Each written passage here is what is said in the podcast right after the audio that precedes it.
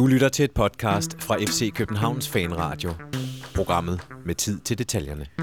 To mål på to og en halv minut, og så blev automatpiloten slået til i parken. Resten af kampen mod Silkeborg gik mere eller mindre med at synge hyldesange til Thomas Delaney, og det var tydeligt, at alle havde øjnene rettet mod tirsdagens opgør i Champions League.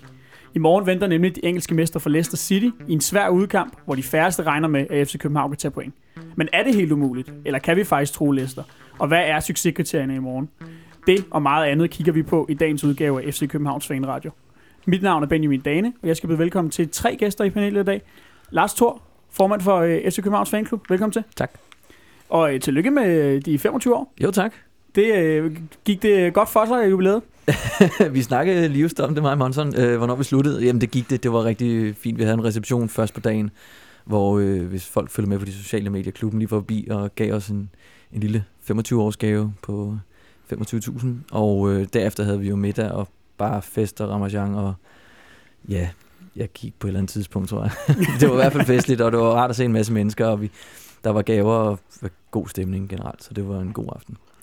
Henrik Monson, du har øh, snedet dig ind ud fra teknikken. Velkommen til dig også. Jo, tak. Og øh, så har vi fået besøg af Jonathan Hartmann, U17-træner i øh, Lyngby, og øh, så er der nok også en, en del, der øh, har hørt dig før i øh, Medianos øh, ugentlige ja. Superliga-podcast. Velkommen ja. til dig også. Ja, tak skal du have. Øhm, vi skal øh, starte med selvfølgelig at tale om øh, weekendens Superliga-kamp mod, øh, mod Silkeborg. Det blev til en, øh, en 2-0-sejr som bekendt. Og øh, Lars, øh, var du i parken? Det var jeg faktisk ikke, må jeg indrømme. Nej. Jeg krybet til korset. Jeg var til min, øh, min fars fødselsdag, og det var sådan en, nu bliver det nu. Du bliver nødt til at komme hjem nu. øh, så måtte jeg hellere parere ordre. Øh, så nej, jeg har, jeg har set den øh, på lidt mere hvad vil jeg sige, faktisk lidt rare rammer måske, fordi jeg kunne forstå, at det var lidt halvkøligt i anden halvleg, var det ikke så interessant at stå ind i parken, så jeg tog den på, øh, på skærmen derhjemme. Men hjemme i de, i de, i de varme, vante rammer, hvad var det så for en, hvad var det så for en kamp, du så? Øh, jamen, jeg tror faktisk, du sagde det meget godt i oplægget. Det var sådan, det, man følte lidt, at de kommer på 2-0, og så var det sådan lidt, så følte jeg lidt, jeg måske lidt spildte tiden i min anden halvleg. Der, der var lidt, øh, der var sådan lidt, lidt aktioner, men, men alt i alt var, virkede det som en kamp, der var ligesom skulle overstås. Øh, man kørte lidt på det lave blues. Man kunne sikkert godt lige have trukket et gear eller to op, måske også en der tre på, i nogle situationer, og så da man kommer på 2-0, så er det sådan lidt, Nå ja, det ser, det ser man jo også i, i, i kvæg, de udskiftninger, så bliver der jo skiftet godt og grundigt ud. Så det var øh, automatpilot, synes jeg lidt. Men øh, det er jo altid betryggende, at man kan, så kan vinde 2-0 og videre. Monson, stod du også og lidt? Jeg var heller ikke hen. Mm. Oh. Nej. Jeg gjorde det samme. Jeg sad, sad og så, så den øh, sammen med min far. Øh, og det, det, jeg ved ikke, hvad der var mest redderligt, øh, om det var kampen eller min fars kommentar, fordi det skal lige siges, min far er gammel fodbolddommer og har været øh, anden divisionsdommer dengang, det hed første og anden division og sådan noget. Øh, han sad, brugte det meste af anden halvleg på at kalde det FCK-spil for redderligt og forfærdeligt og røvkedeligt, øh, fordi de spillede for meget på tværs, for meget tilbage, øh, og det vil jeg til dels også give ham ret i, men det sidste var jeg faktisk så træt af at høre på min far, så jeg var ved at udvandre. Øh, men, men kampen i sig selv, jamen, jeg sad netop og tænkte, at vi kommer foran 2-0, så tænkte jeg, nu sker der ikke mere den her kamp, fordi at, at vi, havde, vi har den kamp øh, i morgen, som er så vigtig, hvor vi skal præstere øh, ud over evne. Så det, det, det var, hvad jeg havde forventet. Jeg har faktisk tænkt 3-0, så, øh, så var vi... Så det var mit, mit bud på kampen, inden at vi gik i gang. Øh, men jeg synes, at vi så bare et FCK, som var trods af, at man, man sætter nogle, nogle øh, øh hvad kan man sige, perifær spiller ind, øh, bliver øh, kontrollerende alligevel, og, og de har ikke, øh, det på egne fejl, at de kommer frem til noget. Så jeg synes ikke, altså jeg vil ikke sætte en finger på selve kampen andet, end at jo, det var måske ikke underholdende, men så formåede tilskuerne der i mindste underholde sig selv med Thomas Delaney sang. Ja, for underholdende, det, det kan den ikke have været, særligt for den, øh, for den neutrale tilskuer. Har jeg ret, Jonathan? Ja, det har du, men jeg vil også sige, at hvis det nu var mig, der var, øh, der var fodboldspiller for FCK, så kan jeg jo godt forstå, at man, når man kommer foran 2-0, at man så slår automatpiloten lidt til. Det er naturligt nok, at man skal have nogle kampe eller nogle perioder i kampen, hvor man går lidt ned i mentalitet og intensitet, for ellers kan man heller ikke gå det trin op og det give op, som man så skal i sådan en kamp, som er i morgen mod Leicester. Så det er jo naturligt nok som fodboldspiller, at man har nogle, nogle kampe, nogle perioder, som er lidt nede, for så har andre perioder, hvor man er helt op at ringe, og det håber jeg for FCK's vegne, at de er i morgen. Men bliver det måske ikke lidt for sløsede perioder i, øh, i anden halvleg?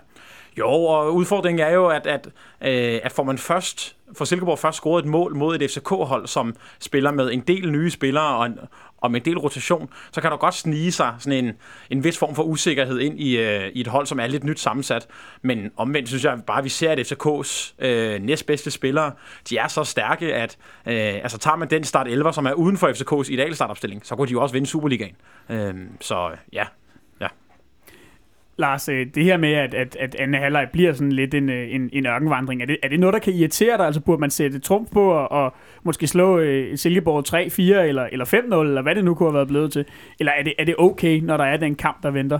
Det, jeg synes faktisk, hvis jeg skal være sådan lidt, lidt jeg skal være ærlig. Jeg synes faktisk, det er okay. Jeg kan sagtens følge Jonathans betragtning, og jeg, jeg, jeg forstår egentlig også godt spillernes reaktion på en eller anden måde. Vi taler et Silkeborg-hold, som mildest talt ikke, ikke virker skræmmende Øh, og det er de chancer, de kommer frem til, det er mest på fejl øh, for os selv. Og ja, man vil altid gerne have de der knusende øh, sejre der, men, men, men som tingene er lige nu, så synes jeg faktisk også, at okay, det er fair nok faktisk, øh, i forhold til, hvad der ligger forud. Altså havde vi nu bare haft en ny søndagskamp næste uge mod, ja, det så mod Odense, mm. øh, så synes jeg måske godt, man kunne have sat trumf, fordi, fordi så, er der, så er der så meget af restitueringspause og alt muligt andet, det kan du lige så godt give, men jeg forstår godt, at spillerne måske tænker, okay, 2-0, lad os ikke, øh, ikke løbe ind i nogle dumme skader eller, eller overanstrenger så meget, fordi det er på tirsdag, det virkelig gælder. Ja. Men i første halvleg, og, øh, og særligt i, i måske de første 30 minutter, eller i hvert fald indtil målet bliver scoret, som det sidste falder vist lige i de 28 minutter, ja. tror jeg det er, øh, der fungerer det, synes jeg, meget godt, og der er godt tempo. Hvad, hvad er det, du synes, der, der, der fungerer i den, i den første del af kampen? Ja, hvad der fungerer? øh, ja, det er lidt svært, for jeg sidder faktisk og ser på et Silkeborg-hold, hvor jeg ikke sådan tænker, at det, vi ikke bliver voldsomt presset i, mm. i de situationer. Det er, i hvert fald, det er i hvert fald en anden kamp, vi kommer til at se på tirsdag i forhold til både markering og det hele. Så øh, hvad der lykkedes godt, jamen vi fik scoret to mål, ved at faktisk fremhæve. Øh, og vel at mærke, Falk kom på tavlen igen. Jeg synes, han har haft en lidt lidt nedadgående øh, kurve her det sidste lange stykke tid, så det er egentlig godt at se ham komme tilbage. Og så mit lille håb, øh, Kasper Kusk fik en startplads, ham, hvilket vi skal ja, snakke senere. Jo. Ham kommer, vi, ham kommer vi tilbage øhm, til senere. Og så ja, Cornelius fik scoret mål til. Det var sådan set, hvis jeg skulle trække sådan lidt, lidt ud af den der ja. kamp. Men jeg synes, det, det er et, det er et Silkeborg-hold, som tydeligt kommer til at stå meget langt tilbage på banen. Altså, der er til tider, hvor de ligger med seks på linje i, i deres bagerste kæde, fordi jeg synes, i de første 20 minutter, vi presser dem ret, ret hårdt med et, med, et, med, som du er inde på, med at, at at en, en fald, som gør det rigtig godt, øh, og en Kvist, som formår at samle alle de her anden bolde op. Jeg synes, øh, Kvist han spillede en fenomenal øh, første halvleg i hvert fald, inden at vi begynder at tage alt tempo ud af kampen. Øh, fordi han, han formår nemlig at sætte øh, Falk op på rigtig mange punkter, øh, fordi han samler alle de her anden bolde op, som de jo står og prøver på at låse væk. Det synes jeg var det, det man kunne tage med i den kamp. Og så Cornelius øh, score, synes jeg. Øh, dejligt at se, at han fortsætter med at, at score mål. Øh, jeg måske godt skulle tænke at Santander også øh, fik, fik puttet en ind. Fortsat altså, stimen. Fortsat stimen, ja. Mm. øhm, det, det var jeg kunne tage ud af den kamp. Kvist, Falk øh, og Cornelius, det var, mere var der ikke. Altså man kan jo ikke sige, Stefan Andersen får vi at se igen, øh, men han har kun den ene aktion, som, øh, som Ankersen skaber for ham. Ikke? Som skænkel også en god redning, må man Det er en meget god redning. Både, redning både, af Johansson. Lige præcis, både af Erik Johansson og så også øh, Andersen, der er efterfølgende. For, af en eller anden det årsag for at frede den med en alvorligt dårlig afslutning, for han skal skyde den anden side. Ja, det må man bare sige. Jeg tror, det var øh, Robert Skov, der havde den, øh, den anden afslutning. Øh, Jonathan, øh, øh, Henrik er, er lidt inde på her, at, at Silkeborg kom og stod meget lavt. Men jeg synes, jeg lagde mærke til i løbet af kampen, at det alligevel, sådan, i hvert fald det er den første halve time, lykkedes for, øh, for FCK, og måske særligt, jeg tror, det var Kvist, der slog en del af dem, og så Gregos, der havde assisten selvfølgelig til Falks første mål. Øh, at, at slå en del dybe bolde, høje bolde ned bag ved deres forsvar, selvom de stod lavt. Mm. Hvordan kan det være, at, at, at, at det kunne lade sig gøre? Fordi det undrede mig lidt. Mm. Ja, øh, jeg tror, man skal kigge lidt på det midterforsvar, som Silkeborg spiller med. Man kan sige mange pæne ting om, øh, om Dennis Flinter, men han er hverken hurtig eller høj. Og derfor kan det jo godt være en god strategi, og det synes jeg også, at man kan se på FCK, at få lagt en masse tryk på feltet, både med, øh, både med bolde i bagrum og med, og, og med indlæg. FCK har faktisk 31 indlæg i kampen øh, i går, og normalt ligger de øh, deres, øh, deres gennemsnit for sæsonen, det er 22. Så en ret stor forøgelse. Øh, og vi ser også det mål på standardsituation, som jo også er mod Silkeborg hold, som, som ikke har så mange gode hætter sammenlignet med FCK. Så den der strategi om at få lagt en masse tryk øh, på, øh, på Silkeborgs felt, både med høje bolde og med fysik, det viser som en rigtig god idé, især når man spiller på den pløjemark, som, som vi næsten kan sidde og kigge ud på derude. Jeg tror ikke, du får særlig mange herinde til at sige noget pænt om Dennis Flinter. Nej. øhm, nej, ja, og hvad hedder det, og, øh, og der blev gjort et stort nummer ud af det op til, øh, til kampen, det her med, at, øh, at nu skulle Cornelius og, mm. og, og Flinter mødes igen, men altså, Monson, var, er det ikke lidt ligegyldigt i bund og grund? Jo, men der er en grund til, øh, at vi øh, er flere herinde, som hverken ser onsite eller optag til, til de her kampe, fordi det handler snart ikke særlig meget om fodbold. Det handler mere om at lave noget øh, pistoljournalistik på en eller anden måde, som skal være prøve at være interessant for seeren, som overhovedet ikke er det. Jeg skrev, tror også, jeg skrev på Twitter i går om, at det her Onsite Award, som de har startet, jeg synes, det er horribelt dårligt fjernsyn, altså undskyld, jeg skal sige det. ja, det, var, det, var, det var dagens rant. øhm, og du skal ikke, jeg ligner et spørgsmålstegn, jeg aner, hvad du snakker Der er endnu en, der ikke ser Onsite, altså af samme årsag. Ja, lige præcis. Lars, øhm, Ja. Der, var jo, øh, der var jo lavet et par udskiftninger i, øh, hvad hedder det, i, i startopstillingen i forhold til, hvad man må formode af, af idealopstillinger. En af dem, det var, øh, det var Michael Antonsson, han spillede. Ja. Jeg tror måske, der var mange, der havde regnet med, at, at det her skulle være kampen, hvor at, at Chorizo Kora ville få sin, sin debut. Hvad, hvad, hvad tror du, der ligger bag den vurdering, at det, at det var Antonsson, der kom til at spille? Jeg var også en af dem, der tænkte lidt, lidt over det, men jeg, jeg tænker, at det handler jo egentlig i virkeligheden om, at måske Antonsson er længere, stadigvæk er længere fremme, sådan rent øh, fysisk og dermed også den, hvis der skulle være noget den næste i rækken til ligesom at komme ind. Han har trods alt spillet nogle kampe her i løbet af efteråret, og øh, på lidt højere niveau, ikke for at forklare en reserveholdsligaen, men, men han har trods alt øh, haft nogle, nogle kampe.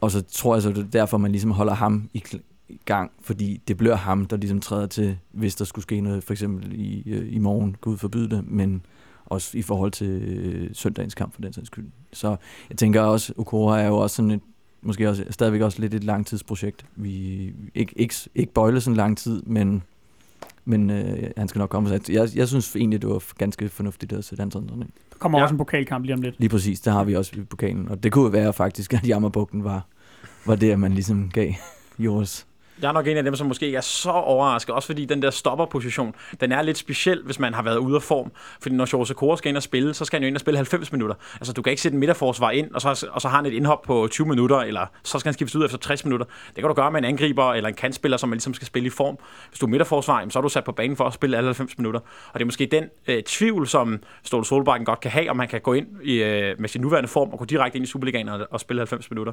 Jeg så ham spille øh, i tirsdags mod Lønbys hold. der så han, øh, der så han gå ud, Okora. Altså han så hurtigt ud, og han har en situation, hvor, øh, hvor Frederik Gytkær, Lønbys angriber, bliver spillet fri i dybden, og hvor man kan se den der fart, den, den der acceleration, han har, hvor han bare spiser ham fuldstændig. Øhm, så jeg synes, det ser spændende ud, og jeg tror snart, han er klar til at spille. Men når du har en så lojal soldat, som du har i Antonsson, som du måske også gerne vil give den belønning at få en startplads ind i parken, så ligger det meget naturligt, øh, at det er ham, der kommer til at spille. Det er vel også et eller andet sted, er det vel lidt mere risikofrit at i, i den pokalkamp, der venter lige om lidt, og så sige, jamen så er det så der, Asho Resokora, han skal have sin, øh, han skal have sin debut fra start. 100 procent også, hvis du ser på det hold, som FCK stiller op med øh, i lørdags. Hvis du så skulle have endnu en spiller, som kunne være et lille smule spørgsmålstegn, eller et lille smule en joker ind på en, på en startopstilling, hvor du i forvejen har skiftet din anfører, øh, din keeper, øh, din kantspiller, så er det måske fint nok, at du vælger en af, de, en af de lidt mere sikre kort, som stopper, og ikke bare tager en helt ny spiller ind udefra. Mm.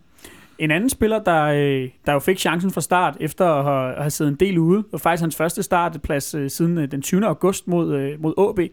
Monson, det var, øh, det var Kasper Kusk. Hvordan synes du, han, øh, han slap fra, fra opgaven? Blandet. Meget blandet. Øh, øh, han havde et par gode aktioner, øh, men jeg synes også, han til i store øh, faser af kampen falder ud, og øh, ikke deltager i spillet på den måde, som, øh, som jeg gerne vil se en, en kus gøre. Øh, jeg har også set ham i de par gange, øh, eller set ham på gange, hvor han har spillet på saveholdet. Det er lidt det samme. Øh, han virker som om, han mangler noget... Øh, ja, lidt som om han mangler noget, hvad hedder sådan noget, selvtillid til, mm. og, og måske en scoring. Jeg håbede på, at den scoring, han lavede herinde, øh, kunne have hjulpet lidt på det. Ja, han har ellers også haft et par, sådan et par gode indhop i træk, og folk er begyndt at tænke, nu skal han snart starte inden, så fik han den så, men du var ikke overbevist? Uh, nej, det er, jeg, jeg er stadig ikke overbevist. øh, men men som, han, som mange også siger, der, der er altså hård konkurrence på, på de her pladser, og der er mange om at, at spille øh, hans plads. Så jeg, øh, jeg, jeg tror, der skal mere end en god præstation til, at, at han bliver start, fast startende igen. Øh, han får højst sandsynligt nogle, nogle, øh, nogle indhop i løbet af, af de sidste kampe, vi skal spille her i, i Superligaen og, og i pokalen så var han måske en lille smule fejlkastet til den rolle, øh, eller til den gameplan, som FCK havde lagt med en af indlæg og med masser af bolde i bagrum. Hvis du møder et Silkeborg-hold, som står så dybt, hvor du har så lidt plads, og hvor du spiller på en dårlig bane, der kommer Kasper Kusk kvaliteter måske ikke rigtig øh, på samme måde til udtryk, som det ville gøre i en lidt mere åben kamp, med lidt mere plads på en bedre bane. Øhm, Kasper Kusk kan jo, han er, øh, jeg synes, han kan noget specielt i sammenlignet med de andre FCK-kanter, der er. Øh, hvor du har Tutu som den fysisk stærke og, og hovedsøstærke. Du har Verbitz og Falk som de meget vævre og aggressive duellerne. Øh, så synes jeg jo, at Kusk har lidt mere sådan øh, playmaker-gen øh, Øh, end nogle af de andre kanter har. Og det får han ikke helt på samme måde brugt i går, når FCK's gameplan den er lidt som den er. Øh, og jeg så ham også spille den reserveholdskamp der mod Lønby. Og der synes jeg, man kan se, hvad han, hvad han kan med lidt mere plads, og med et hold, som har bolden rigtig meget. Øh, han laver en, en, øh, en rigtig, rigtig god scoring, hvor han sparker den helt op i hjørnet. Øh, så der er nogle ting i ham, og, det, og jeg sagtens forstå, at de har ham i truppen, og han kan noget lidt andet end nogle af de andre kanter. Men øh, det var ikke hans allerbedste præstation øh, mod SIF. Men det her, som Henrik er inde på med, at han falder lidt ud af kampen, er det ikke sådan stadigvæk, altså i hvert fald i FCK-tiden, sådan lidt det, det gennemgående problem med Kuska? han, altså, for jeg synes også, jeg har bemærket det der før, at han måske sådan, så, så har man siddet og set en, en kamp med ham, og så, så har han nærmest ikke rørt bolden i, i halvdelen af den. Jo, 100%, og det er også, jeg tror, han er typen, der har rigtig godt gavn af at være en prioriteret spiller, at være en spiller, som man sætter nogle ting op omkring, som han jo var i Aalborg. Han slår, jeg har aldrig snakket med ham, men han, men han slår mig som en type, der er også sådan lidt en, øh, lidt som Falk, sådan lidt en tryghedsspiller, som gerne vil have noget, øh, noget tillid, og som gerne vil have, have en masse kampe i træk, og vil gerne vil have, at man bygger spillet op omkring ham. Og det er svært at have, når du kommer ind som spiller, og spiller øh, har to startpladser på et efterår, og så rører du ind og ud af holdet. Det er måske ikke den, øh, den rolle, han er allerbedst egnet til. En anden øh, spiller, jeg, øh, jeg godt kunne tænke mig, at vi, øh, vi lige nåede at vente, det er øh, vores øh, slovakiske ven, Jan Gregus. Øhm, han har jo øh, efter sin, øh, sin øh, udvisning i, i Porto og en, øh, og en lidt sløj kamp i, øh, i Randers, hvor vi spillede 2-2, øh, været genstand for en, øh, for en del kritik, synes jeg. Og øh, Lars, det, den her, øh, hvordan synes du, hans præstation var i går, da han så fik chancen fra start igen, sammen med William Kvist, som han jo også spillede med i Randers? Altså, jeg vil jo sige, at øh, det der bare, jeg, jeg bed faktisk mest mærke i Kvist. Jeg synes, han var, jeg synes, han gjorde en rigtig, rigtig god figur, og det var faktisk betryggende, at han, han virkede som sådan det der den, øh, jeg ved ikke, om vi skal snakke om Kvist, men jeg synes bare, det var ligesom ham, der, de to der, det er okay at snakke der, om Kvist. der kom til lidt over, overskygge ham. Jamen, jeg synes også, det var, jeg synes, det var ganske øh, hederligt. Øh, igen, jeg synes ikke, det var, der, der var ikke nogen, der var rigtig var prangende. Det var måske også igen svært at have en, en, en prangende præstation, øh, en, en assist. Øh, ja, men, men jeg, jeg, synes, der er, jeg synes, der stadigvæk der kan fyldes lidt mere på ham mm. øh, som spiller. Men igen, det er også en spiller, som ikke har spillet meget, og så kommer ind igen og i en kamp, som måske ikke helt... Øh, igen, han er en pasningsspiller. Er måske ikke helt på hans præmisser heller, øh, den måde, man ligesom spiller kampen. Så, så egentlig er sådan, det er okay indtryk, jeg har, men jeg ser ham stadig ikke som den bedste. Altså, der er stadigvæk nogen, der er foran ja, ham. Der mangler stadig noget. Ja.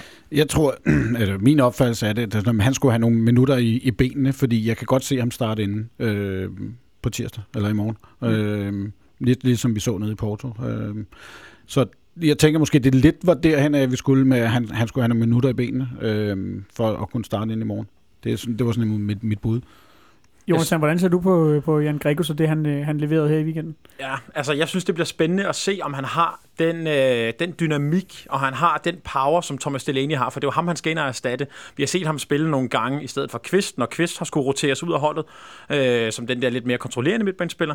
Det bliver spændende at se, om han, om han kan bringe samme øh, løbeiver og duelstyrke og power i feltet ind i sit spil, som Thomas Delaney har. For hvis ikke han kan det, så mister FCK en virkelig vigtig del af, sådan, af deres offensive spil, af deres indlægsspil. Øh, og den, den, øh, den gren af Gregos' spil, synes jeg, vi mangler at se øh, stadigvæk. Øhm, og, og han har vel også i virkeligheden, nu har han jo både øh, en, en håndfuld gange øh, erstattet Kvist, som du siger, og så erstattet Delaney på gange, det har vel, det har vel været, når han har erstattet øh, Kvist egentlig, altså spillet sammen med Delaney, at det har set bedst ud. Det synes jeg også, fordi man kan se den, den boldsikkerhed, som han spiller med Gregus. Og der synes jeg jo, at han er godt, altså, øh, der er han godt indkøbt til, til det FCK-hold, som skal have bolden 65% af tiden i næsten enhver kamp. At han er så pasningssikker, som han er. Men, men, men han, og man har det der ekstra på den sidste tredjedel af banen. Det er det, jeg synes, han skal lægge på, øh, så FCK kan, kan bibevare øh, de forser, de har i, øh, i deres indlægsspil og i deres anboldspil det er jo lykkedes ham at, øh, at producere øh, i tre sidste Superligaen indtil videre, hvilket er meget pænt. Har han måske noget der, øh, som, som for eksempel en Thomas Delaney ikke har? Ja, det har han. Jeg synes, øh, det var en rigtig god øh, chipbold, som man har i går øh, ved Falks scoring. Og der er Thomas Delaney jo Øh, det er oftere, at han får bolden, spiller den ud på en højtstående bak for sig selv at søge i felt. Og der har Gregus måske lidt flere løsninger og lidt flere færdigheder til at sætte nogle, til at sætte nogle stikninger og sætte nogle assists mere op, øh, hvor Thomas Delaney mere selv er målscoren. Men spørgsmålet er ikke, om, om, om det er øh, Thomas Delaney, han skal, han skal bytte ud med, eller øh, det ved vi jo, det bliver det på et tidspunkt, men jeg tænker spillestilsmæssigt, spørgsmålet er ikke, om, om han over, skal overtage den rolle, som Kvist har, og Kvist måske skal til at lægge noget mere på sit spil for at udvikle sig i, i, i, i, en, i en ny retning. Det, det kan jeg godt se, at Kvist måske skal til at lægge noget på, som man ikke har haft tidligere, ligesom vi har set, som, som øh, Delaney har gjort. Øhm, så øh, selvom jeg kan se, der, at, at sådan en som Gregus har altså nogle andre forser end, end, end Kvist har. Så jeg, jeg kan se, der er kæmpe potentiale i ham, men, men det er bare et spørgsmål om, hvor vi får placeret ham, fordi øh, for mig er øh, Kvist og Gregus to spillere, som ligner hinanden rigtig meget, og det kan blive et problem øh, fremadrettet at have to spillere øh, centralt, som ligner hinanden så meget, som skal spille ved siden af hinanden. Tror du, at... Øh tror du, at vi, at vi kan komme ud i en situation til, til januar, hvor, øh, hvor Thomas Delaney som bekendt forlader os, at, øh, at der simpelthen bliver hentet en helt ny mand ind, fordi at, at, øh, at Ståle måske ikke er helt tryg ved, ved Gregus endnu, til at skulle overtage den rolle på, på mere permanent basis? Ja, nej, det har jeg svært ved at vurdere. Så tror jeg måske øh, hellere... Jeg også om at tage den helt store øh, spot på. Ja, det, det, det gør du også. Øh, men altså, så tror jeg måske mere, man prøver at, at give noget mere spilletid til en af de unge, øh, som kan komme ind og spille det andet i stedet for. Eller måske, måske en tutu, det er lige skulle jeg sige, en tutu, der kunne komme ind. Øh, ellers så har vi jo også... Øh, Oh, nu har jeg glemt, hvad hedder vores... Øh, Keita. Keita, ja, lige præcis. Øh, som jo også godt kan gå ind og spille den, og har spillet den i øh, reserveholdskampene. Øh, ham kunne jeg måske også godt se, skulle have noget mere spilletid. Han er en spændende spiller. Altså, meget, meget spændende spiller. Altså med den alder, han har, jeg tror, han er 97, og jeg har set ham lidt både i U19-ligaen og i reserveligaen. Øh, han har netop den der dynamik, og han har, altså, han har kæmpe lunger i forhold til at komme fra felt til felt. Han, øh, jeg tror, han bliver rigtig, rigtig god, og selvom han måske så ikke skal ind og spille fra start til vinter, så skal han måske fra om et år af, eller halvandet år når Kvist måske også skal spille lidt mindre, så tror jeg, han kan blive rigtig, rigtig værdifuld. Ja, for han, han ligner altså, altså for dem, der ikke er ude at se, se reserveholdskampe og U19 og sådan nogle ting, så, så kunne man jo godt få den idé nu, at, øh, at han virker som en, der er meget, meget langt væk fra at komme til at spille. Ja, men det synes jeg ikke, han er. Jeg synes, når man ser ham, øh, jeg har også enkelte gange været på Peter Banks vej til træninger, jeg synes virkelig, han ser spændende ud. Især når man ser på, at han jo er, øh, jeg tror ikke, han er fyldt 20 endnu, øh, så han har jo har de næste øh, rigtig mange år at skulle spille i FCK i, inden han så måske skal videre øh, ud i Europa. Så jeg tror, øh, jeg tror ikke, der går så længe, før han får sit gennembrud i Superligaen. Det er en, øh, det er en spændende spot om. Det, øh, det glæder vi til at se, om holder. Jeg, Jonathan, jeg kunne godt lige tænke mig at høre dig også. Øhm, bare lige for at, at komme hele paletten rundt. Josef Tutu, Tror du stadig, han er, er aktuel som central midtbanespiller i FC København? Jeg havde faktisk troet, at han skulle til at spille det mere og mere, og jeg havde måske også lidt troet, at han skulle, han skulle tage lidt over for Delaney, fordi han jo også har nogle offensive kompetencer, når så man har Delaney ude, så kunne han spille sammen med Kvist. Men når han stort set ikke, eller, eller overhovedet ikke har spillet i den her sæson, så kan jeg godt, øh, derinde, så kan jeg godt blive lidt i tvivl. Øhm, men øh, jeg havde faktisk troet det, fordi han har den kreativitet, han har den flair, øh, samtidig med, at han jo har en fysisk styrke nok til at kunne spille derinde. Det virker bare til, at Ståle Solbakken, som også er så interesseret i sin organisation og i, øh, sit, øh, i, i sit forsvarsspil, at han måske stadig ser Tutu som for udisciplineret til at spille en af de der to centrale midtbanespillere. Mm. Øhm, I anden halvleg, som, øh, som vi jo efterhånden flere gange har fået nævnt, øh, var lidt en, øh, en, øh, en ørkenvandring, lad os bare kalde det, øh, som det er. Øhm, der bliver, øh, der bliver Pavlovic skiftet ind for, øh, for Santander midt i, øh, midt i halvlejen. Og øh, Lars, øh, Pavlovic øh, får jo ikke gjort så meget væsen af sig, og jeg, øh, jeg, jeg bemærkede på steder, at han har fået lidt, sådan lidt, lidt spredt kritik for, for det indhop, han laver. Men, men i sådan en, en, en kamp, hvor vi måske mere eller mindre er, er stoppet med at spille, er, er, er det så i virkeligheden rimeligt? Mm, man kan vel sige, både og. Det vil, nej, altså hvis, hvis resten af holdet ligesom har ligesom trukket bremsen nu, nu skal vi ikke, nu parkerer vi den her, så kan det være svært måske at bedømme retvisende, hvad, hvad også de andre indhold for den sags skyld, altså hvor de står henne. Fordi hvis du har et halvt hold, der ikke spiller fuldt ud, så, øh, så, kan det, ja, så kan det være svært at se. Så derfor er det måske ikke helt retvisende. Men jeg synes også, at han over en længere periode nu også har, har haft nogle uheldige aktioner. Øh, og, og på den konto synes jeg godt, man kan stille, altså ikke, vi er ikke ude i en decideret kritik som sådan, men man kan godt stille et spørgsmålstegn om han, hans, hvor han er henne sådan i ren formmæssigt lige nu. Men nu, man kan så sige, så er Cornelius også kommet for baghjul og ligesom har skabt nogle overskrifter øh, kvæg nogle mål, og nogle vigtige, og Santander har så scoret nogle vigtige mål, og så brudt den her måltørke også. Så han lever også lige med, nu med to angriber, som umiddelbart står ret meget foran ham, og så har han haft de uheldige indhop nogle, og nogle uheldige aktioner. Så Ja, han er vel, ja, des, han er vel decideret blevet overhalet, er han ikke? Jo, det vil jeg sige. Altså fra, fra netop at, at ligne et, et, et første valg ved siden af Santander, er han jo nu, et, i min bog i hvert fald, et, et, et tydeligt tredje valg. Mm. Øh, og jeg synes heller ikke, som sagt, at, at det virker som om ham lige i øjeblikket, i hvert fald timing er det ikke nogen ting, og, og, og i, ligesom Cornelius også nogle gange kan træffe nogle virkelige beslutninger, så gør han det også. Men, men det er måske svært at, i hvert fald at, at hænge det hele op på kampen i går, om at sige, at det er, nu er vi ude i noget kritik af ham. Så, øh, men, men jeg synes, på, på den lange bane, synes jeg godt, man kan stille et spørgsmålstegn. Hvor er han henne lige nu som, øh, som spiller? Monson, hvis vi, hvis vi kigger i det her lidt, øh, lidt, lidt, lidt bredere perspektiv, som, som Lars er ude i, er du også, deler du bekymring for, øh, for, for Pavlovic og, og den der sådan lidt svigtende form? Jeg tror ikke, det er formen. Jeg tror, at han er i, i okay form. Øh, jeg synes, der mangler noget taktisk spilforståelse, fordi jeg synes, at han har en tendens til at flagre ud på kanterne, måske lidt løbe i vejen for de kantspillere og, og bak, som vi gerne vil have med, ind, med op omkring øh, feltet, til at ligge de her indlæg, hvor han så skal ligge og ikke ligge ude på kanten og øh, afdrible en mand. Han skal ligge ind i feltet sammen med den, øh, øh den anden angriber. Øhm, der synes jeg, han har en tendens til enten øh, at søge for meget ned i banen, eller søge for meget ud på kanterne. Og det er det, som, som jeg synes, der er hans store taktiske misforståelse lige nu, at han formår ikke at falde ind i de andre spil, og dermed kommer han ikke til de der chancer. Øh, hvis han var lidt, det, er, det er måske svært at sige, eller dumt at sige men en, om angriber, men han skal være lidt mere stationær. Blive deroppe foran, i stedet for at flagre rundt på, øh, på fløjene. Det ligner jo lidt Cornelius for noget tid siden, mm. ikke? som også har en tendens til at søge ret. Og Santander havde det på samme måde, Præcis. da han kom til klubben. Så kommer vi så spørge, om det, om det er et spiller, eller det er bare sådan noget, noget taktisk, der gør sig gældende. Men, men det ligner jo faktisk lidt det, vi så, hvor man gerne, man helst aldrig så uh, Cornelius isoleret ude på kanten, for så tænkte man, nå, ja. Ja, ja, så er bolden tabt. Ja, lige præcis. Så, så, han havde jo også et løb i går, ikke, hvor, hvor han, er det også i første halvleg, hvor, han, hvor teknikken lige pludselig, de lange ben, det, det bliver lidt... Ja, det sker stadigvæk en gang Det sker stadigvæk en gang, men det der, igen, ind i boksen. Men jeg, jeg, jeg, jeg er også enig, det, det handler ikke så meget om form, det kommer til at måske lyde som form, men det handler måske også mere, altså, øh, det virker som om, jeg faldet ind, men altså, der, der, der mangler stadigvæk et eller andet i hans spil, til at det ligesom man tænker, nu har vi en, en ny god angriber. Det er nogle gode pointer, det der, fordi jeg har faktisk taget noget af det, som, som jeg vil sige med min statistik. Du har hivet et par, par heatmaps frem, hvor ja. vi hellere øh, lige forklare lytterne fra, fra øh, øh, analyseprogrammet Y-Scout, ikke sandt? Jo, præcis. Jeg kan mm. lægge det op på min Twitter-profil, så man kan sidde og, øh, og kigge lidt med. Men, men der kan man se, hvis man sammenligner Pavlovic med Cornelius, som jo er lidt af ham, der har overhældet Pavlovic, der har, der har Pavlovic mange flere aktioner nede på egen banehalvdel, end Cornelius har. Og han har også mange flere aktioner sådan uden om feltet og rundt om feltet, hvor, hvor Cornelius har rigtig mange sådan røde prikker inde i feltet. Øhm, og det er jo helt tydeligt, at han har flere aktioner så øh, væk fra målet, hvor Cornelius har, er meget stærkere i sit indlægsspil og er meget bedre til at komme i feltet på de rigtige tidspunkter, end Pavlovic er.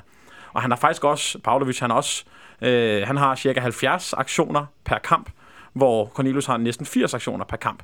Så, han, så selvom, han løber nogle, øh, selvom han løber andre steder hen, end han måske skal være, så får han ikke bolden, og så er han ikke med, øh, i, øh, så er han ikke med i spillet på samme måde, som Cornelius er.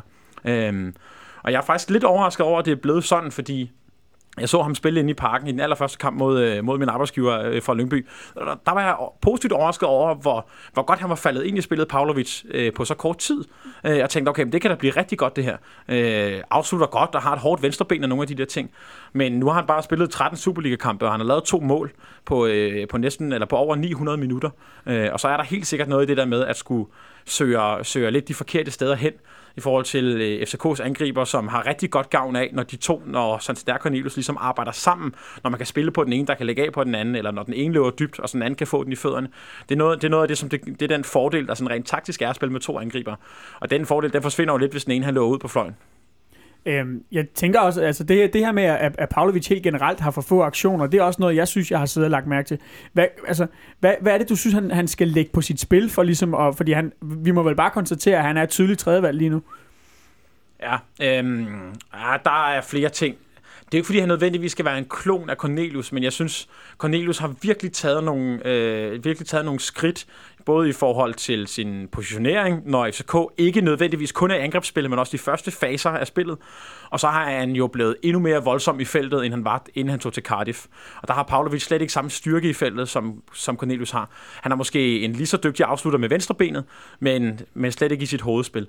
Øhm, og så... Øh, det er jo sådan lidt banalt at sige, men det tager noget tid at komme ind i de relationer, der skal være mellem to angribere. Jeg synes, at det, har, det tog også noget tid for Santander og Cornelius at finde hinanden. Det var helt tydeligt, at de to måske i starten mere opfattede hinanden som konkurrenter end som medspillere. Øh, og der, der mangler Pavlovic også stadig at, at finde ind i, den, øh, i, den, øh, i det gode makkerskab, der er med den anden angriber. Og så er der vel måske også det helt enkle, at øh, han har jo, han har jo, altså man kan sige, det har været, det har været meget stolpe ud for ham. Han har, han har sparket nogle oplagte chancer forbi. Ligesom øh, Monson var inde på med, med Kusk øh, før, så mangler han vel helt enkelt også noget selvtid. Ja, og det gør han bestemt. Øhm, og det kan også være, det kan også være lidt... Øh, det, det, er mås- det er måske ikke det bedste for hans, altså for hans personlige udvikling. Komme til en ny klub, starte ind i starten, få noget selvtillid der, for så bare blive, øh, øh, for så bare flytte ud af holdet. Så kan, de, så kan din selvtillid godt få et alvorligt knæk, hvis du troede, du var, øh, troede, du var udset til at skulle spille fra start af. Så går der et par uger, og så rører du helt ud som, øh, som tredje valg. Øh, og det kan da godt være svært for en, øh, for en relativt ung spiller som ham at skulle håndtere. Vi må se, hvordan han, øh, han, han håndterer det i den næste periode. Jeg kunne godt lige tænke mig nu, at vi alligevel har, øh, har hvad hedder det, heatmapsen her fremme. Øhm, per Frimand, han øh, både, øh, både før og efter kampen mod, øh, mod Silkeborg, brugte en del tid på at, at fremhæve Cornelius, også i forhold til at være en, en nøglespiller i, i kampen i morgen. Øhm, Cornelius laver sit mål nummer 50, og, og Frimand kalder ham den, den bedste FCK-angriber lige nu. er, du, er, er du enig i det, Jonsson? Ja, det er 100 procent.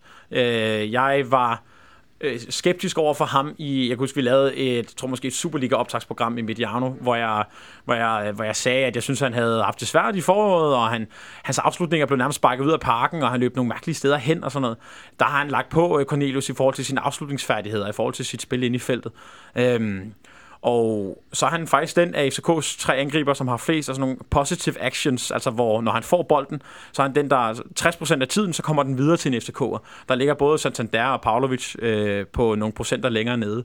Øhm, så øh, jeg, er, jeg er meget positivt, øh, positivt overrasket også over Cornelius, som jeg faktisk troede var udset til at spille tredje eller måske endda fjerde violin, da sæsonen gik i gang, fordi at man, man måske også tænke, at, øh, at Katri skulle ind og spille for at give angrebet nogle andre ting, end de tre lidt større angriber skal.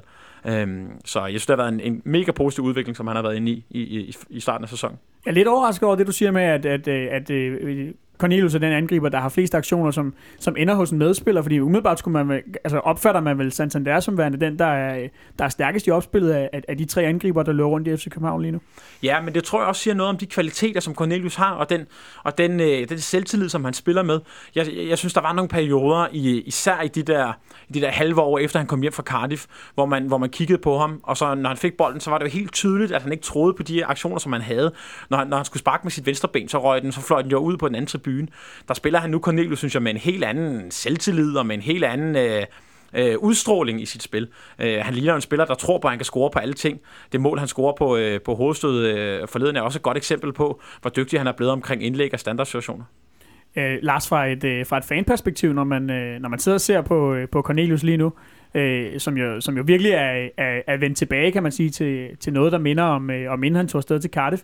Hvordan er det at se ham have, have kæmpet sig tilbage på den måde, som, som han har gjort? Nå, man vil jo altid gerne have sine spillere, hvad vil sige, lykkes, og han er, han er jo et ung og en, en produkt af, af School of Excellence. Så derfor er det, man vil det jo så gerne, men det er jo også frustrerende at så se, når han, for eksempel, da han kom tilbage, de aktioner, han lavede, hvor man så havde tænkt, åh oh, gud. Og, og, og der, så var han selvfølgelig også, fik han også den her skade i Silkeborg øh, sidste sæson, og, og alt det der. Øh, man bliver jo glad for hans vejen, og det er jo fedt, når de her spillere kommer, også, også generelt for dansk fodbold, at, at vi har de her, at det er danske spillere, der ligesom øh, markerer sig i toppen øh, herhjemme. Og, øh, så, men jeg vil også lige, øh, er da glad for at se de der heatmaps der, fordi det, det understreger jo bare netop også det, også det Monson siger, at øh, angriberen skal jo score inden, og det var jo det, man så, da han kom tilbage. Han flagrede rundt og prøvede at være med i det hele, og ville, og netop det der venstre ben, der bare enten bankede ned lige ud over sidelinjen og sådan noget. Øh, så ja, den der succes, jeg under ham jo alt den succes i virkeligheden, og det er jo fedt, at han har kæmpet sig ind, og så lagt det til sit spil, og ligesom forstået måske, at jamen, jeg gør det bedst her. Men det er også tydeligt, men, men, øh, men det er også en angriber, som ligesom hviler mere i sig selv, som bare bliver inde i boksen, og som bare bliver omkring målet. Og hvis du som Pavlovic ikke rigtig føler, at du har tur i den, så kan du godt finde på at løbe alle mulige steder hen, for at føle, at du skal være en del af spillet, for at føle, for at, føle ja. at, at du skal vise dig frem. Ja, det er jo meget naturligt. Ja, det er det 100%, og, og det er også derfor, jeg tror, at Cornelius nu er blevet bedre, fordi den selvtillid, han har til bare, okay, men jeg skal bare være inde i feltet, fordi det er det, jeg scorer mål. Hvor Pavlovic måske mere tror, men okay, men lige nu så kan jeg ikke score, og lige nu rammer jeg stolt okay, men så skal jeg også ud på kanten, og så skal jeg også lidt ned i banen og sådan noget. Nå, men ja. jeg synes også, altså, et er, at vi har set Cornelius herinde, men man så det også i, i Danmarks øh, seneste landskamp, hvor Cornelius kommer ind, fordi vi får et helt andet øh, tyngde i vores angreb, efter Cornelius kommer ind. Øh, så det er en mand med tydelig stor øh, selvtillid og, og, og har en stor aura omkring sig, omkring at han, han vil altså vinde de her bolde inde i feltet. Og det, det synes jeg, det er det, som vi har savnet fra ham i sidste sæson, for eksempel. Lars? Men jeg, jeg tror, at lige for at supplere det, du siger, det der, en, en, netop en, en, en spiller eller en angriber uden selvtillid, vil jo gerne hele tiden prøve aktion, der ligesom sætter det hele i gang, og så er det jo, man måske overforser de der ting, og lade være med at gøre det simple. Det er jo, det er jo altid, man snakker om, gør det simple, øh, i stedet for at skulle... Øh, jeg synes også, at Santander har haft nogle, øh, nogle, nogle situationer, hvor han, den der scoringskrise var på sit højeste, var ved at sige, hvor han måske lidt prøvede at gøre de ikke så simple ting, og, og søgte nogle steder hen, hvor, det ikke, hvor han ikke måske var så god, som når han for eksempel ligger ind, og for eksempel også nogle af det, han lagde mærke til i starten, han var virkelig god til at tage bolden til sig og spille den videre på den næste spiller. Det var som om, at det, den forsvandt også på et tidspunkt fra hans, hans spil, fordi nu skulle han ud og, og ned og hente, og det skulle, det skulle forseres. Mm. Så, så, øh, så ja, det er, det er måske Paulus' ting også, at mm. lige ligge lov på og så sige, vi starter helt fra scratch nu og skal have. Jeg tror måske i virkeligheden, det der, der for mig øh, opsummerer det bedst med, øh, med, med Cornelius lige nu, det er hans, øh, hans egen udtalelse efter øh, den kamp, hvor vi spillede 1-1 øh, herinde i parken mod, mod AB, hvor han siger, øh, jamen, øh, giv mig bolden ind i feltet, og så er der mål. Og så simpelt kan det jo siges. Øhm, inden vi øh, lægger øh, Silkeborg-kampen ned, så skal vi øh, traditionen tro, øh, kåre øh, kampen spiller en tur rundt om bordet, og øh, Jonathan, øh, jeg tænker, vi kan starte hos dig. Ja, det kan vi godt. Jeg har nok, jeg har, jeg har skrevet Cornelius, som, men, men jeg vil også gerne rose nogle af de FCK-spillere, som, som kommer ind øh, ude fra holdet, eller Bøvs, eller Bu, eller Bæ, fra Stefan Andersen, fra Tom Høgli. Jeg også lige have et skud med på vejen herfra, for at være nogle rigtig, øh, rigtig lojale og, og gode rotationsspillere. Øh, synes jeg var øh, her det er alle vejen, i hvert fald i, i, så længe vi spiller fodbold, og ikke øh, bare begynder at spille på tværs. Men øh, Kvist er ja. min kandidat. Og så slutter vi hos dig, Lars. Åh, oh, jeg vil også, øh, jeg er også i stedet med Cornelius og Kvist, øh, men jeg hælder nok faktisk mest til Kvist, tror jeg faktisk, som jeg synes igen var der. En god, en, spillede en virkelig god første halvleg og var boldværket. Vi tager en øh, kort breaker, og øh, når vi er tilbage, så er det med optakt til morgendagens Champions League-kamp mod Leicester. I morgen går det løs mod de engelske mester fra øh, Leicester City i øh, Champions League, i det, øh, som de fleste nok forventer bliver en, en rigtig, rigtig svær udekamp. Jeg kunne egentlig godt tænke mig, at vi, vi starter hos, hos vores modstander øhm, for Jonathan. Det her Leicester-hold. Øhm, der har været en del snak om, at, at, at det er et hold, der måske ikke i virkeligheden er så glade for at have bolden og sådan nogle ting. Hvordan tror du, at de kommer ind til den her kamp? De er jo trods alt på, på hjemmebane og rimelig klar favorit, må man, mm. må man sige. Ja, altså, jeg tror ikke, de føler, at de nødvendigvis skal ud og skabe kampen. Jeg tror, deres hjemmepublikum har vendet sig til med 19 hjemmebanekampe sidste år, hvor de ikke rigtig havde bolden så meget. at, de, øh, at de skal... Altså, jeg tror ikke, de kommer ud og spiller tiki-taka-fodbold mod FCK. Øhm, hvordan FCK så, hvad skal man sige, øh, skal agere ud fra det, øh, der tror jeg, at FCK har deres, øh, deres spillestil og deres gameplan, som de ikke kommer til at variere så meget fra, uanset om Leicester går lidt højere eller lidt lavere, så har de nogle gode værktøjer til det, så vi måske kan komme lidt ind på. Men, men, øh, men jeg tror, at vi kommer til at se et Leicester-hold, som primært kommer til at bruge to våben for at score. Det ene er deres offensive dødbolde omkring Wes Morgan og Robert Hood, som lavede rigtig mange mål sidste år. Og den anden ting er selvfølgelig de her omstillinger, hvor, hvor Jamie Vardis øh, evne til at, at forberede sig, mens FCK har bolden, komme lidt på ydersiden af en stopper, sådan, så, så snart at Leicester får bolden, så kan de banke den i bagrum, og så kan han løbe fra nogle af stopperne. Det, det gjorde han øh, rigtig dygtigt sidste år. Den der evne til at forberede sig i det, som man kalder restangreb, det, er, øh, det skal FCK være, være meget ops på. Mm. Men det vil sige, tror du i virkeligheden, de vil være, være fint tilfredse med at lade, lade, lade os, lade FCK være, være meget på bolden? Ja, det tror jeg, fordi jeg tror, at, at hvis Leicester øh, sætter sig ned og analyserer på sig selv, og det har de vel forhåbentlig gjort, så når for eksempel øh, øh, deres centrale duo med, med Amartey, som vi kender herindefra, og, øh, og Drinkwater, det er jo nogle spillere, som er måske er mere er, er duelspillere og taklespillere, end de nødvendigvis er kreatørspillere. Øh, på samme måde med Vardy, og på samme måde med deres to stopper, de vil nok hellere forsvare, end de vil angribe. Øh, så jeg tror ikke, at Leicester sådan øh, føler sig tvunget til, at de skal nødvendigvis gå op og skabe kampen. De har, de er jo kommet sindssygt godt i gang øh, af stadig deres Champions League-pulje, så de føler nok heller ikke, at de bare skal ud og angribe på første fløjt for at få tre point med den, øh, med den stilling, der er i gruppen. Mm. Nu kan man selvfølgelig ikke have en kamp, hvor at, øh, at ingen vil have bolden, men kunne der måske i virkeligheden ikke være lidt idé i netop at overlade lidt initiativ til Leicester og ligesom sige, værsgo, så får I lov til at, at skabe kampen. Jo, det kunne da godt, men altså, jeg hører også godt nogle gange det der, men hvordan pokker skal man gøre det? Altså, skal man så bare spille bolden til Leicester, og så vil Leicester heller ikke, så spiller de den til FCK, eller sådan, altså, ja. altså, øh, altså, sådan er fodbold jo ikke. Øh, jeg tror godt, at FCK kan måske stille sig en lille smule længere tilbage og starte deres pres en lille smule længere nede, end de vil gøre mod nogle af de danske Superliga-hold. Både for at minimere pladsen i deres eget bagrum øh, til Vardy, øh, og også for at Leicester får lidt flere pasninger ind i holdet. Øhm, men i det store hele, så tror jeg, at FCK kommer til at angribe kampen sådan i gåsøjne, som om det var en Superliga-kamp, altså i forhold til den taktik, de bruger. Mm. Monson, øh, det her med, hvordan at vi kommer til at angribe kampen. Øh, Ståle har jo, har jo øh, forud for den, øh, den europæiske kampagne, eller i hvert fald forud for nogle af kampene, sagt det her med, at det her FCK har, FCK har nu, de kan groft sagt kun spille på en måde. Tror du også, at vi kommer til at, at, at mere eller mindre gå til kampene, som var det en hver anden? Ja, jeg Ståle har jo en... Øh er, viger jo sjældent fra, fra sit grundprincip i, i sit spil. Øh, dog tror jeg, at han, han i den her kamp vil gå lidt anderledes til det, fordi han vil gerne have deres forsvarsspil ud at løbe. Øhm, og det er en af de ting, som, som skal lykkes for, at FCK skal have nogen point ud af det her. Øh, vi skal have dem ud at løbe, og det kan vi gøre med den fordel af, at de vil gerne overlade spillet til os. Men så er det også vigtigt, at vi holder tempo i spillet, og ikke ligesom i, i lørdags lade alt tempo gå ud af spillet. Fordi lad vi os falde med i den, og lade øh, Leicester overtage øh, vil sige, spiltempoet, så tror jeg ikke, at, at øh, vi kan holde det i, øh, i, i, i hele kampen. Så vil de kunne slå nogle kontra. Så derfor, vi skal ud og holde tempo, vi skal ud og spille stærkt, og vi skal ud og have deres forsvarsspillere til at løbe, fordi de to midterforsvar kan vi godt løbe, øh, løbe op med. Fordi det bliver svært for både Santander og Cornelius, øh, som jeg tror starter inde, at, at vinde de luftdueller inde i feltet. Så, så det bliver langs jorden, at vi skal vinde den kamp. Mm. Lars, hvor, øh, hvor, hvor, hvor ser du, at vi har, har, har størst mulighed for, for at true Leicester? Fordi nu siger Monson siger det her med at, at, at få deres forsvar ud at løbe. Ja, det vil jeg også sige, fordi nu så jeg i dit oplæg, nu pegede alle på Vardy og, hvad hedder han, Mares som øh, men profiler, men jeg tænker også, nu, for lige at foregribe begivenhedens gang, mm. Robert Hood øh, blandt andet, ikke, er jo, øh, jeg, altså Cornelius mod Hood, så står jeg og tænker, match made in heaven for den ene part. Nej, øh, han skal nok kunne sætte på, men det er nok ikke der, vi skal sætte ind, at begynde at, at, at høje bolde ind i feltet øh, til de der to meter stopper. Så jeg, jeg vil også sige, at der skal noget fart i, men, men igen på vores egen egen præmisser. Øh, vi skal nok ikke ud og, og forsere et tempo, øh, fordi det, de er vant til at spille i et langt højere tempo, end vi er.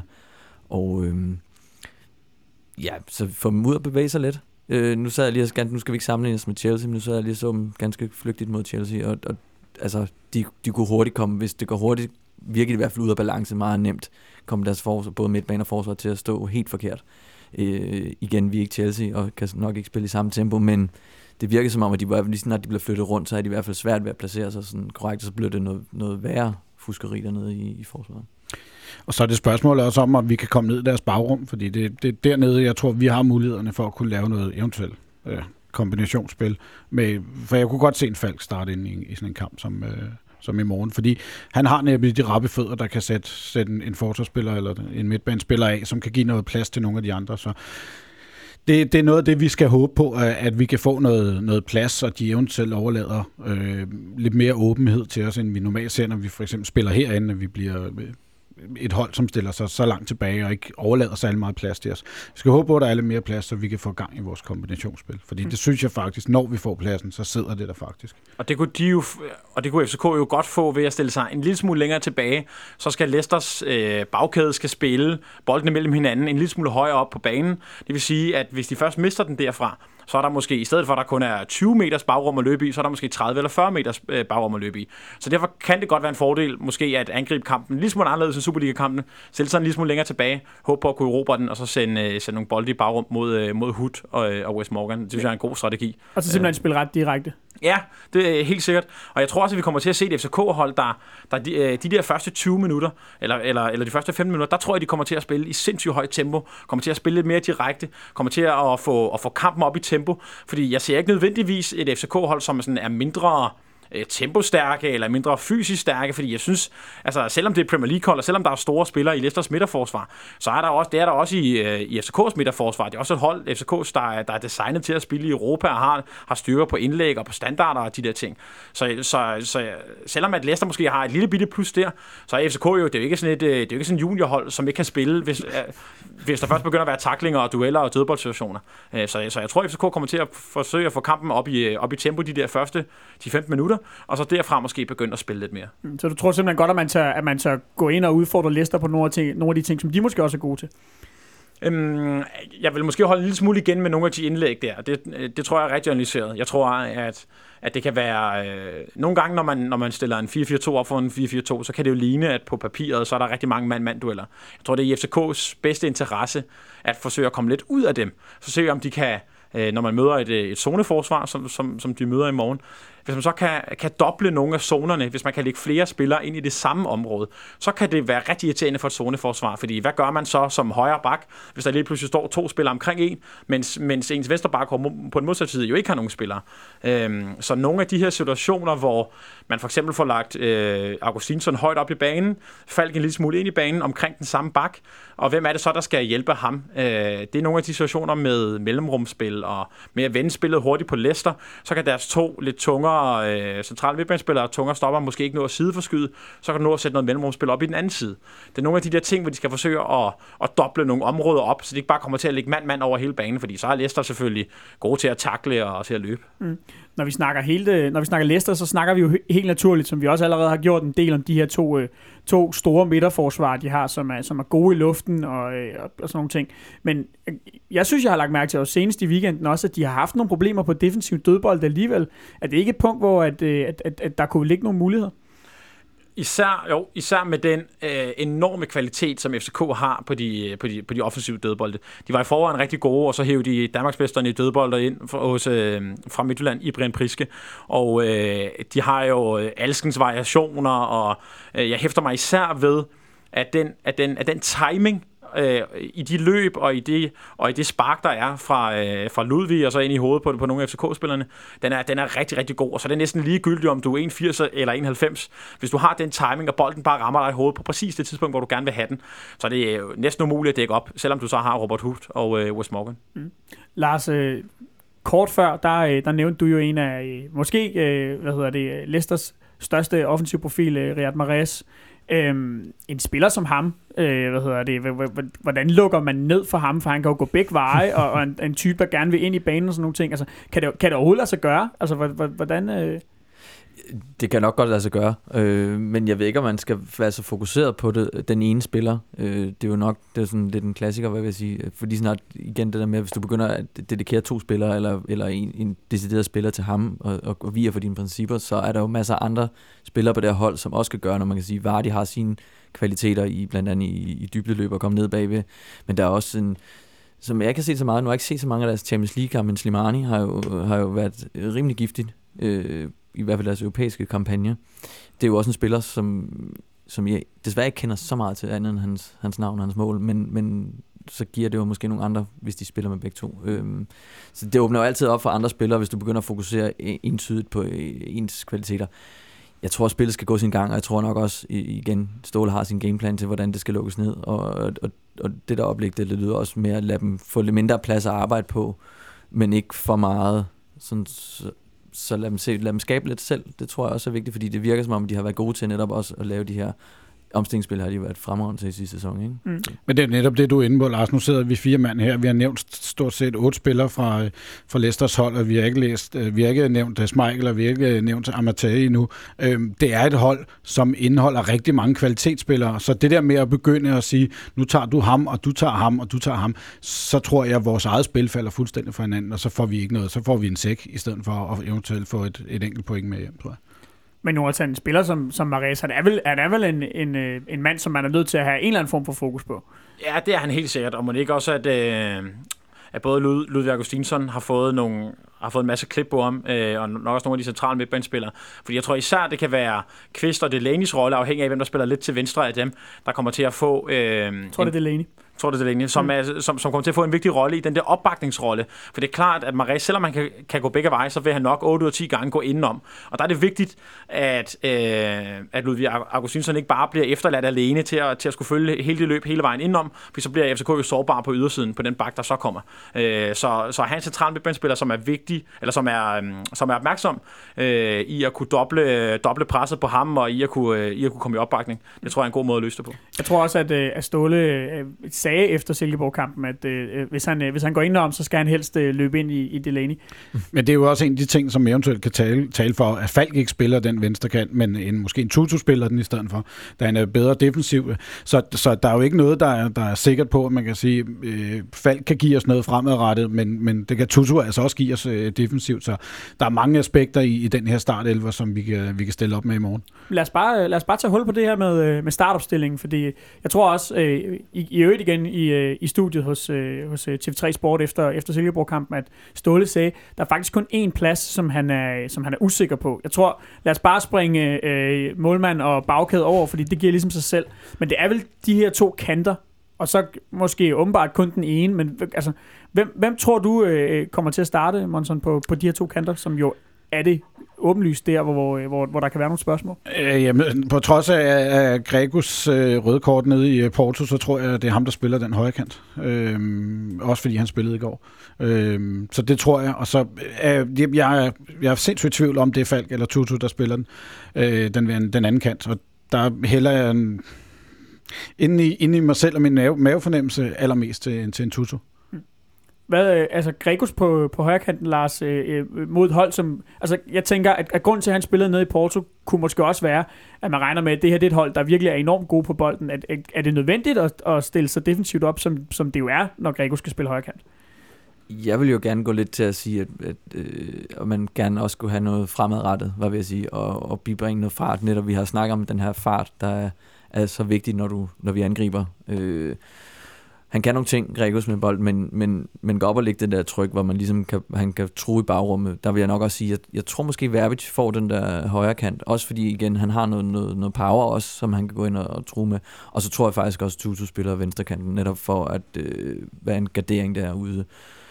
Og så Falk får den der famøse indhopperrolle måske, øh, alt efter hvordan situationen er, men, men at komme og bibringer med lidt, lidt snille, måske i, i anden halvleg. De to, du nævner, øh, Tutu og Verbic, øh, spillede jo heller ikke i, øh, i hvad hedder det, mod, mod Silkeborg. Jeg ved, kom Tutu ind? Det kan jeg ikke engang huske. Øh, men, men altså, det, det, er vel også, det er vel også et tegn. Øh, kan det være i hvert fald, at, at, øh, at det er dem, der starter? Ja, Det, når der ja, nu er så det, kort det, mellem kampene. det er i hvert fald det, man godt, hvis man sidder og læser udskiftningsbænken, i hvert fald det, man godt kunne friste til at tro, ikke? at de spiller, de, de skal i hvert fald, de har en vigtig rolle at øh, udføre i morgen, og, og, og med, set med den der med, at vi skal have noget fart på spillere, så vil jeg nok foretrække Verbic. Selvom jeg også synes, at han har en tendens til at også ville for meget nogle gange, og også øh, lidt oversat og netop være den her store stjerne, men det er også nogle gange det, der faktisk får ham til at funkle lidt, det er den der vildskab der, og så får man måske et eller andet skud, hvor Ja, også fordi i sådan en kamp skal man vel også altså, i en eller anden grad have nogle spillere på banen, der, der kan og vil noget selv. Ja, lige præcis. Og som man siger, igen, også bringe bring med lidt fart og, og, og lidt vildskab, og jeg egentlig ikke være så bange for at udfordre, øh, hvor jeg tænker, at han i hvert fald i udfordringen er, står bedre end Gregos gør. Så han, han vil faktisk være mit bud på en højkant.